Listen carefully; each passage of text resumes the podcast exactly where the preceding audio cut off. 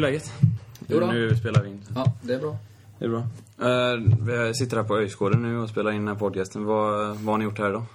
Eh, idag har jag varit här och grejat lite med klubbshoppen för ÖIS, ungdomarna. Alla som spelar i ÖIS måste ju köpa sina kläder här. Eh, socker och shorts och t-shirts och träningsoveraller. Så att eh, vi har hållit på med det i två år. Jag och Niklas Baumann i första hand. Brukar vara här varje tisdag. Och öppet klubbshoppen då för föräldrarna att komma in och beställa. Och sen är det ju lite arbete däremellan. Det är från Baldershages håll eller är det ni två som har gått in personligt? Det är ÖIS klubbshop. Ja. Men eh, vi eh, tog över driften kan man säga. För två år sedan. Hösten 2011. När det var svårt för ÖIS att få personal och eh, få frivilliga att ställa upp då. Så då ryckte vi in och hjälpte till. Och det har funkat väldigt bra med våra egna tider så att säga. För mig och Niklas då framför allt då. Men eh, det är öppet för alla som vill hjälpa till. Det är bara att av sig. Eh, vi ska prata lite sen om dig som person och så. När, men vi börjar liksom, när blev du öjsare? Eller varför blev du öjsare? Nej, Det är väl som allt annat. Eh, Uppvuxen i en familj ute på landet där mina morbröder var ysare. Jag var på min första match, tror jag, det var 1978 mot Gais om jag inte minns fel. På Gamla Ullevi då. Eh, efter det så, så blev det så. Sen eh, följde jag ju inte ÖIS speciellt mycket i tidiga år. Jag var på SM-finalerna. Men jag var ju inte mer än 14 år. Så att då tog man det ganska lugnt om man säger så. Sen så har det utvecklats efter det. Men du, jag vet vi har snackat om det innan, att du gick in i det liksom kontinuerligt eller liksom följde varje match och så ganska sent ändå. Ja, det kan man väl säga. Eh, det var egentligen inte förrän på ja, 99 så flyttade jag in till Göteborg. Och eh, det var egentligen först i samband med det som jag började gå på alla matcherna. Och eh, även att börja åka på alla bortamatcherna då. I början på 00-talet. Och hur lång tid tog det liksom efter det tills du, tills du gick med i Baldershage och började med den grejen? Supporterklubben gick jag väl med i efter två, tre säsonger, tror jag.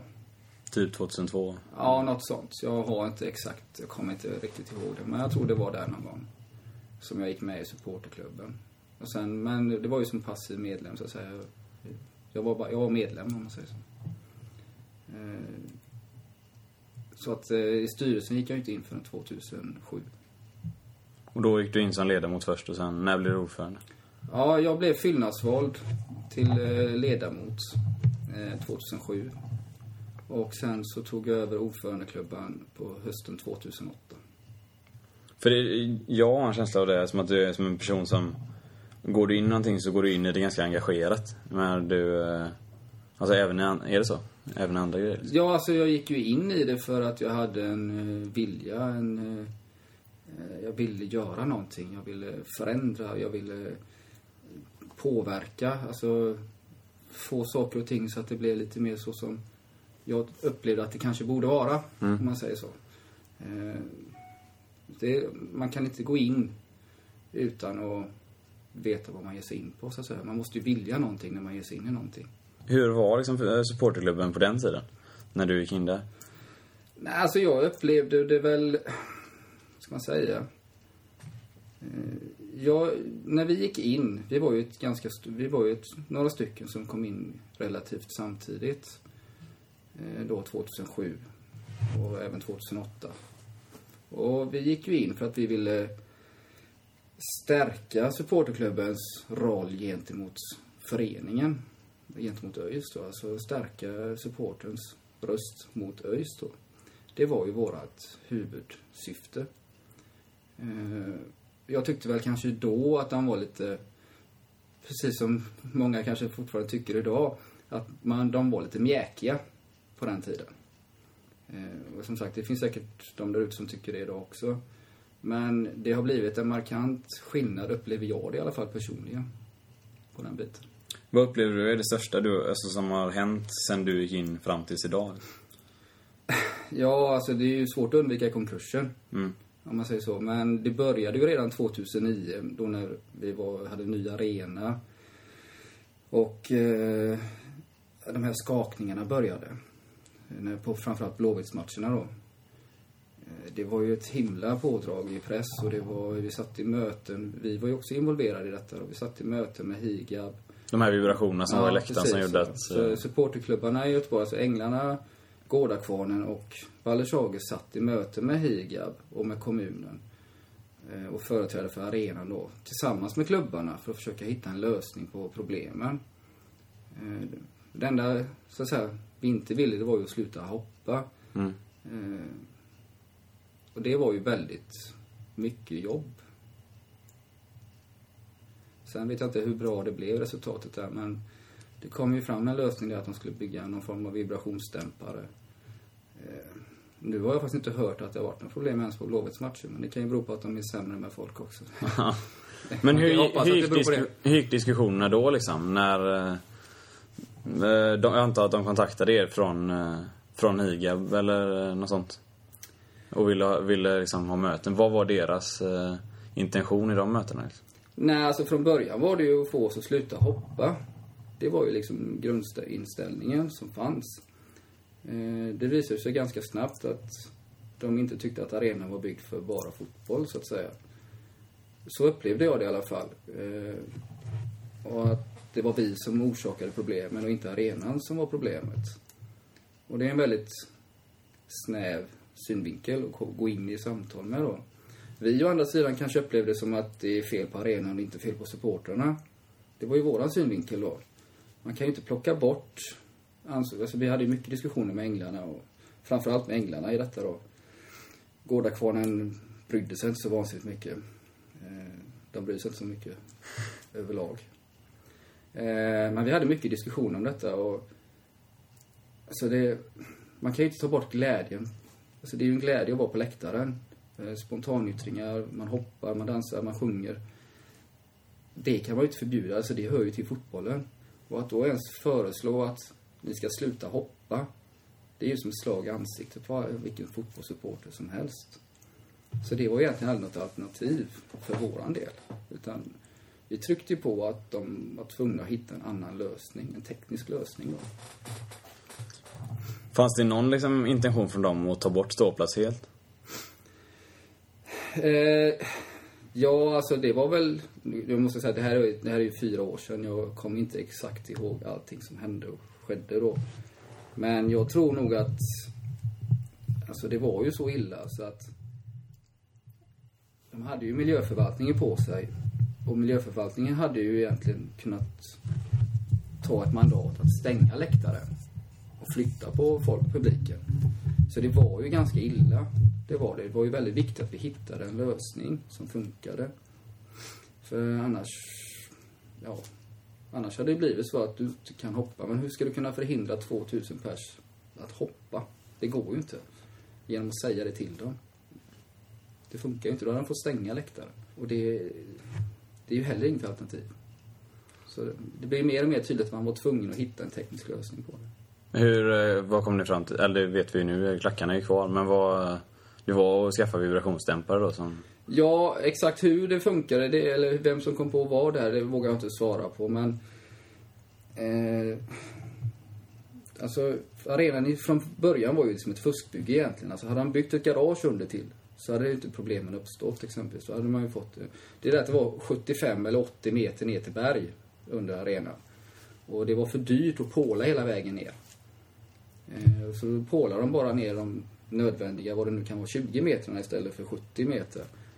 Och då blev det att vibrationerna fortplantade sig ut i, över ån och så in i husen byggnaden mittemot. då.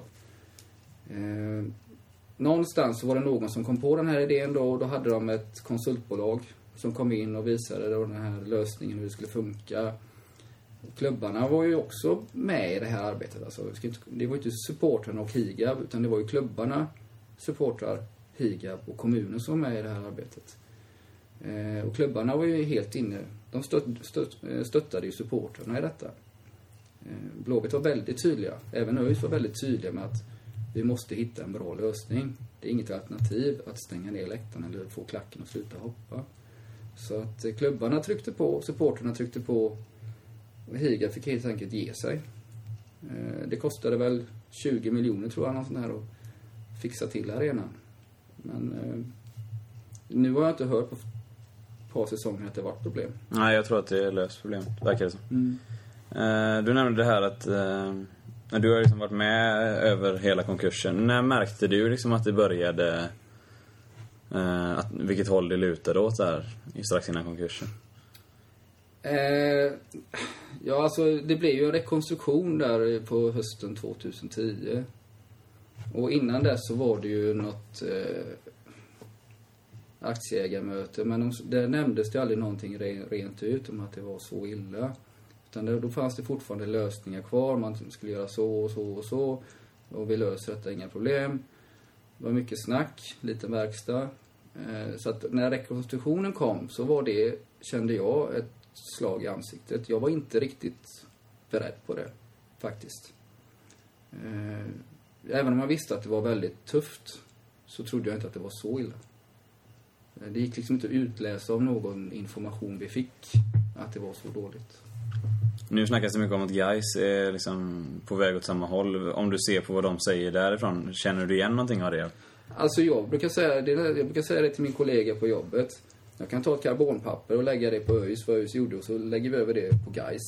Det är bara att bocka av. Det känns som att Gais gör precis samma saker som ÖIS gör.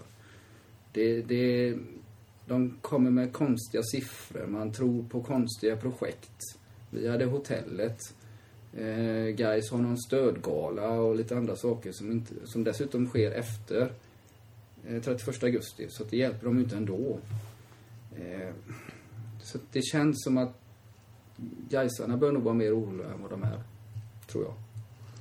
Eh, Som jag själv upplever det så har liksom både Balders Hage och gemene supporter Eh, deras, det känns som att deras roll har förändrats lite efter konkursen och blivit mer delaktiga i klubben. Är det något du känner igen? Liksom, att, det, att det där har förändrats? Vad er roll gentemot ÖIS förändrats liksom, efter konkursen? Ja, alltså...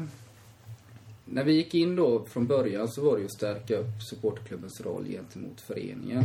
Vi gjorde ju så att vi köpte ju exempelvis aktier i Örgryte Fotboll AB för att kunna få en insyn.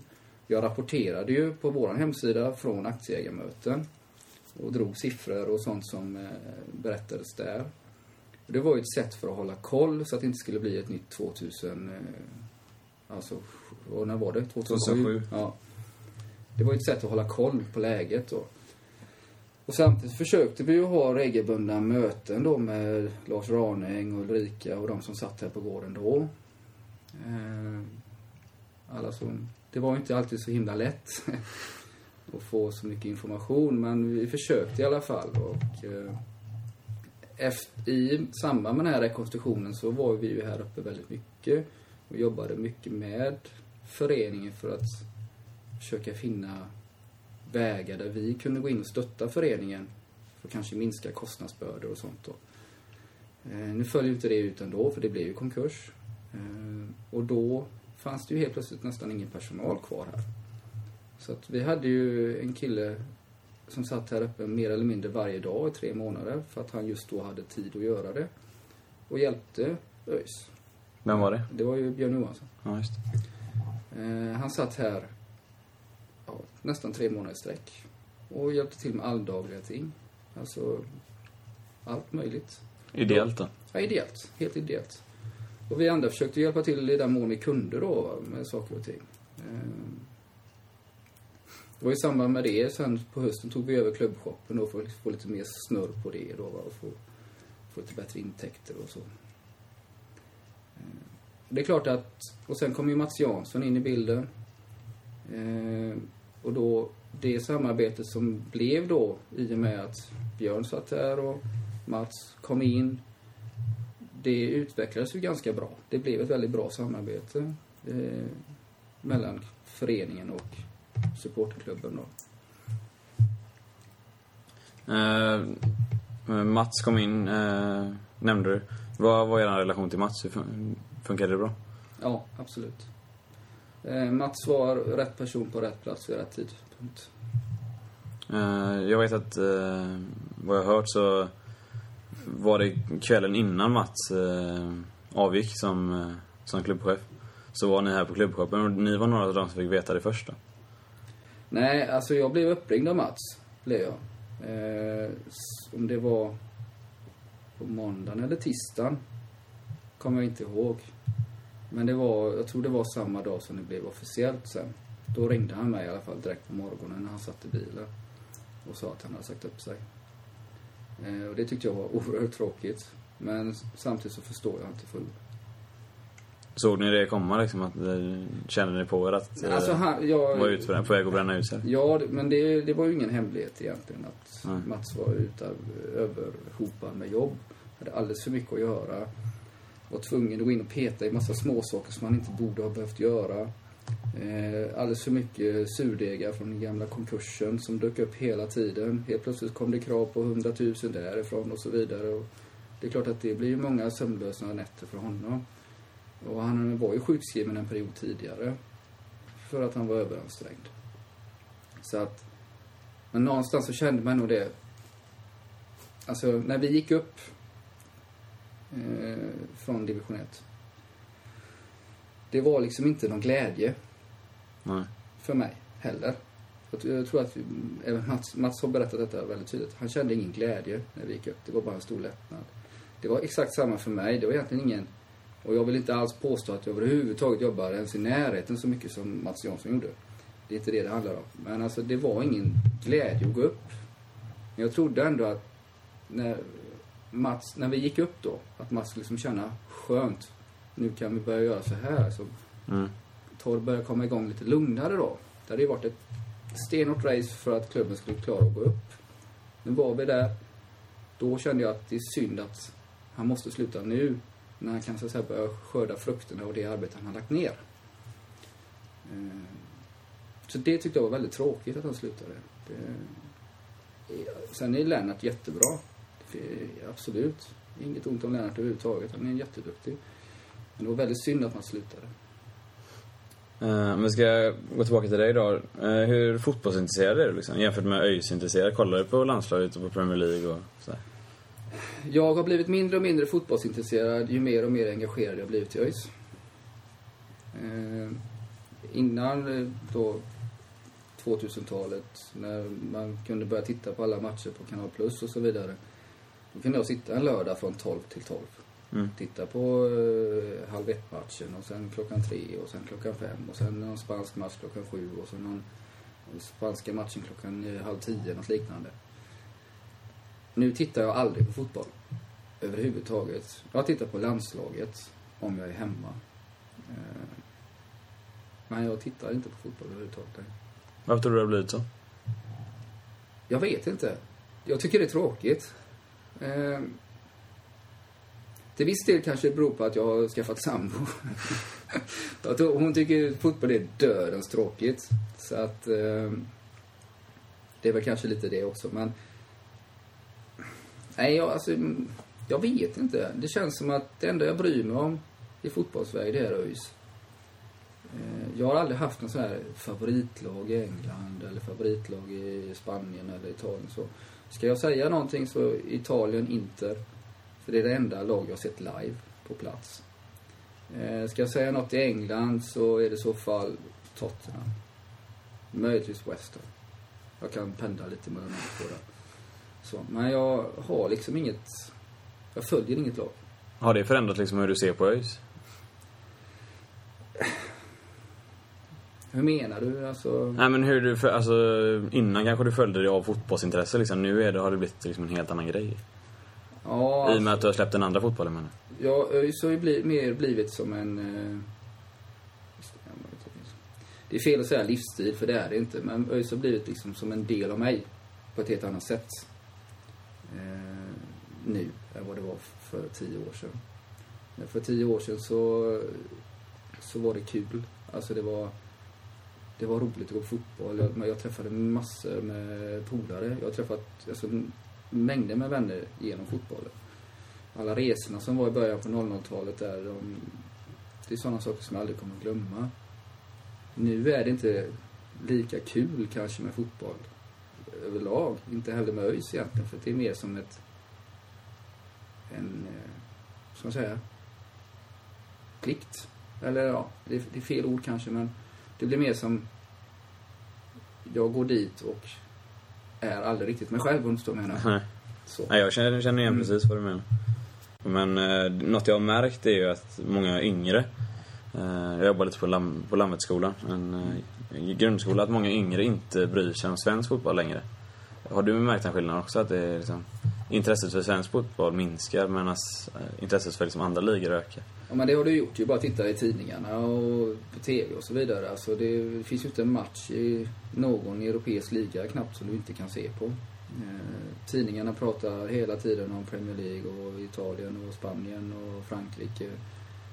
Eh, men förhållandevis lite egentligen om...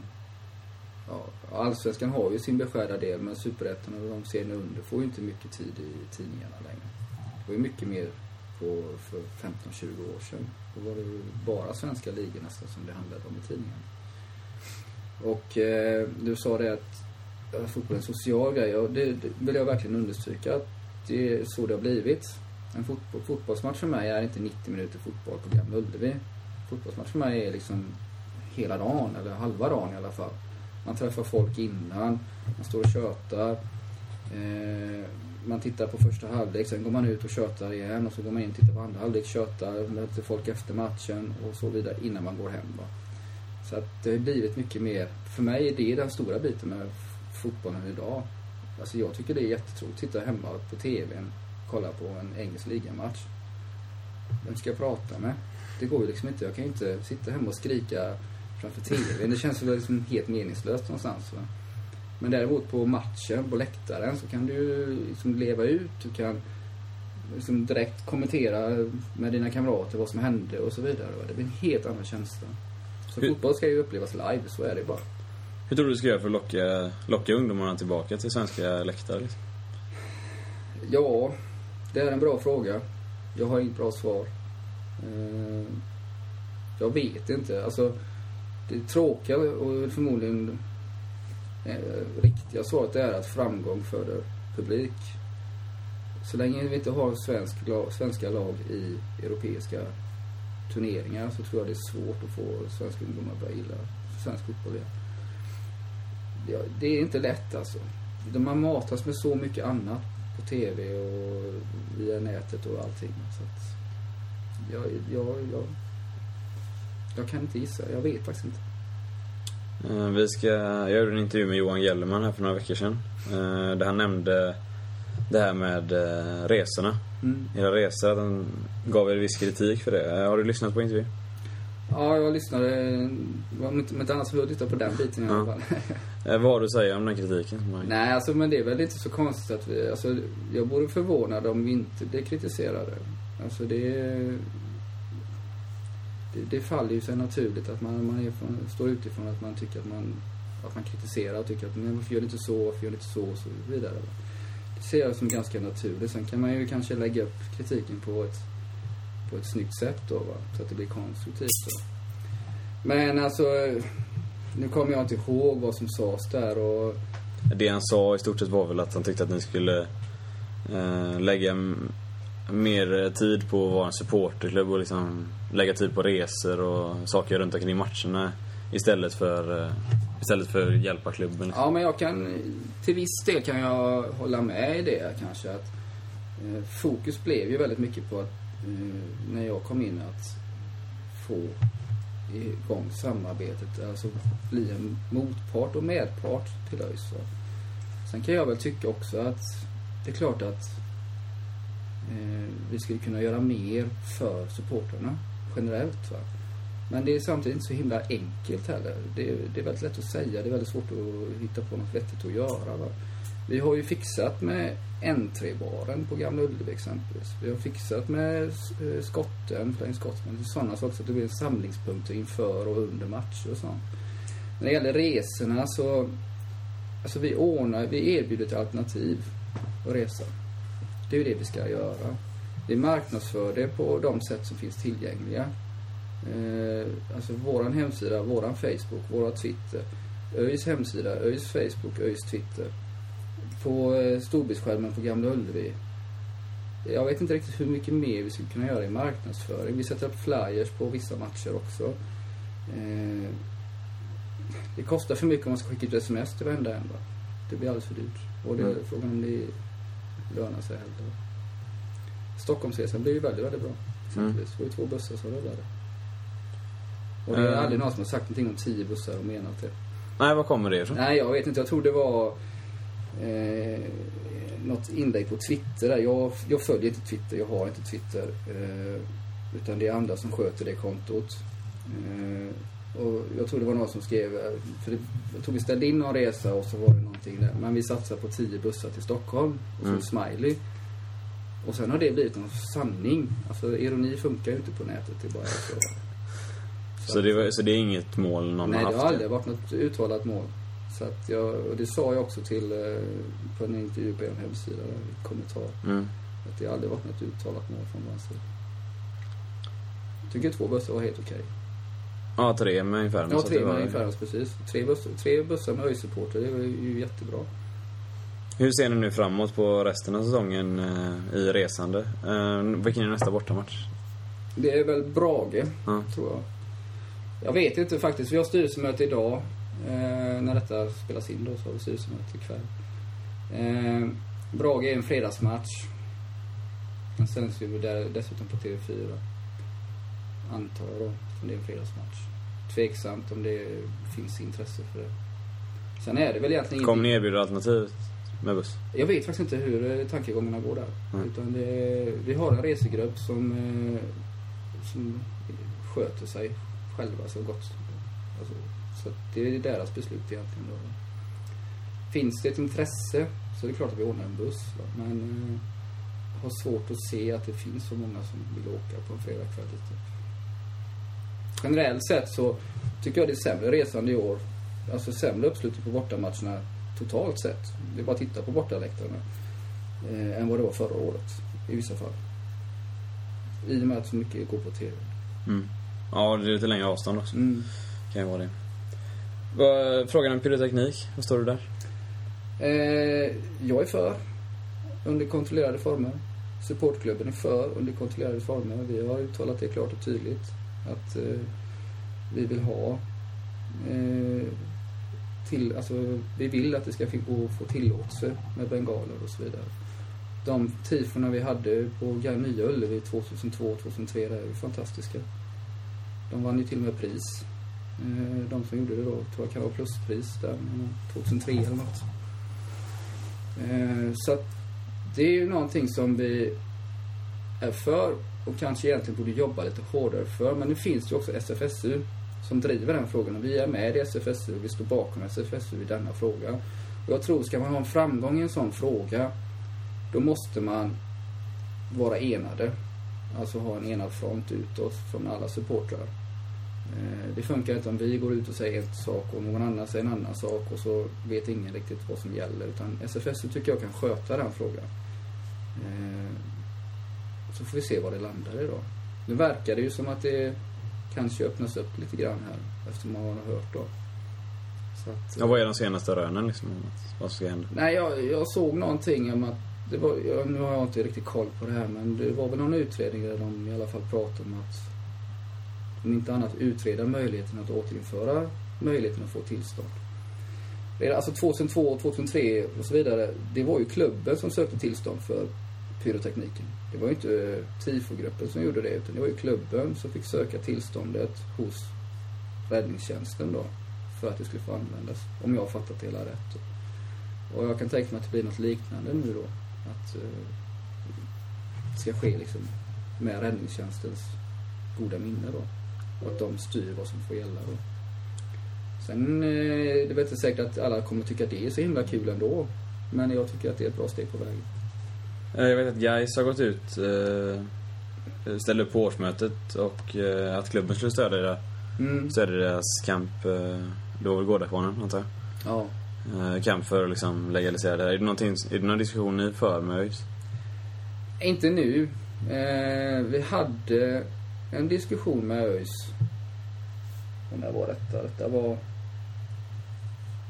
Måste jag tänka, det var innan konkursen. Alltså man måste tänka, alltså grejen är som så här, det var så mycket på gång 2009, 2010. Och sen kom den här förbannade konkursen och ställde allting, alltså allting bara föll ju. det blev som ett korthus som rasade ihop. Man fick börja om från början och försöka bygga upp något nytt. Va? Det, det har kostat en jävla massa tid och med, alltså mycket energi. Och mycket har fallit mellan stolarna. Vi var, hade en bra dialog med ÖIS eh, där 2010. Och med Polismyndigheten om att få söka tillstånd. Eller testa i alla fall att söka tillstånd. Vi hade fått nej. Men just då var jag beredd att driva frågan till sin spets så att säga. Och faktiskt se till att få alla tillstånd om det hade gått då. För, och sen liksom genomföra det också då i så fall. Och så hade vi väl fått ta böterna om jag hade fått böter då. Men nu, nu, nu följer det i och med att allting följer i och med konkursen. Så att, för det var tal då på höstkanten här 2010 under vintern där. Om att vi skulle göra i ordning allt detta. Jag hade supporterpolisen var väldigt tillmötesgående. Ville hjälpa till och liksom så här. Det blev ingenting med det. Eh, Du sitter som ordförande i Balleshagen nu. Hur eh, länge till sitter du där? Jag har ju, jag har alltid varit på ett år. Och vi har årsmöte i november. Så att, eh, får vi se. Jag har suttit i fem år nu. Eh, Jag sa innan att en ordförande ska inte sitta mer än tre till fem år. Det tar en, stö- en säsong att komma in i det. Sen ska man kunna börja driva lite egna frågor. Sen ska man se till att det blir bra. Och sen är det nästan dags för någon annan att ta över. Så. Men eh, vi, vi har ju en valberedning som får jobba. Tror, vad tror du kommer hända? Nej, alltså jag... Jag vill inte för, jag vill, jag vill egentligen inte uttala mig om det för att det, det... Jag ger ett svar till valberedningen vad jag tycker och sen så får de jobba efter det. Alltså när det gäller min position och vad gäller övriga styrelsemedlemmar så ger ju de sina svar till valberedningen och sen får valberedningen jobba ut, ut efter vad de svarar då. Men finns det någon som har ett intresse, ett driv, en vilja så är det väldigt välkommet att höra av sig till valberedningen då. Eh, Det är Lelle som är valberedningens ordförande. Många vet vem han är. Vet man inte vem han är så kan man kolla med, med dig Felix eller Mm. mig eller någon annan. Eh, Jag själv eh, funderar på, eller har sagt till Elle att jag gärna vill sitta i styrelsen Mm. nästa år. Eh, vad, skulle, Jättebra. vad skulle du ge mig för, för tips liksom? Nu om jag vill gå in i styrelsen? Eh, tipset är att Eh, så du går ju in, när du, om du går in så går du in med att, för att du har en vilja, en, en, att du vill genomföra någonting. Du förändra något eller du vill genomföra något. Eh, du vill hjälpa till på något vis. Och min vilja, mitt råd är bara, jag ska säga, var aktiv. Alltså, det blir alltid diskussioner. Vi är 12 stycken idag i styrelsen. Det blir alltid diskussioner. Vi har liksom ålder från 20 upp till 65. Och vi är blandat tjejer och killar. Alla har inte samma åsikter om allting och därför så blir det en bra diskussion. Men vi får ju väl, vi har ju ett brett spektra av åsikter. I och med att vi är sån varierande skara medlemmar av styrelsen. Eh, så att, stå på dig. Alltså om någon säger nej det var inte så bra. Ja men ge dig inte då. Utan fortsätt liksom. Det är ibland som en supertanke. Det kan vara det i vissa fall.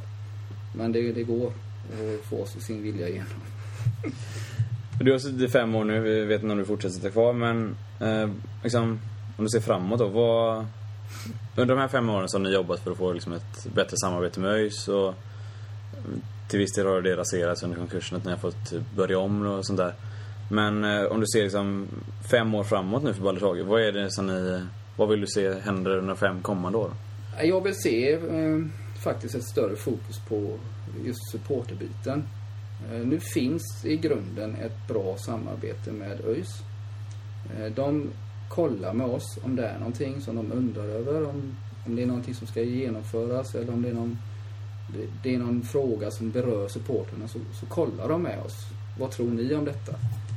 Eh, nu, jag hoppas att inom de fem år som kommer, oavsett vilka som är med, om jag är med eller inte, att vi kan ha ett större fokus på just supporterfrågorna.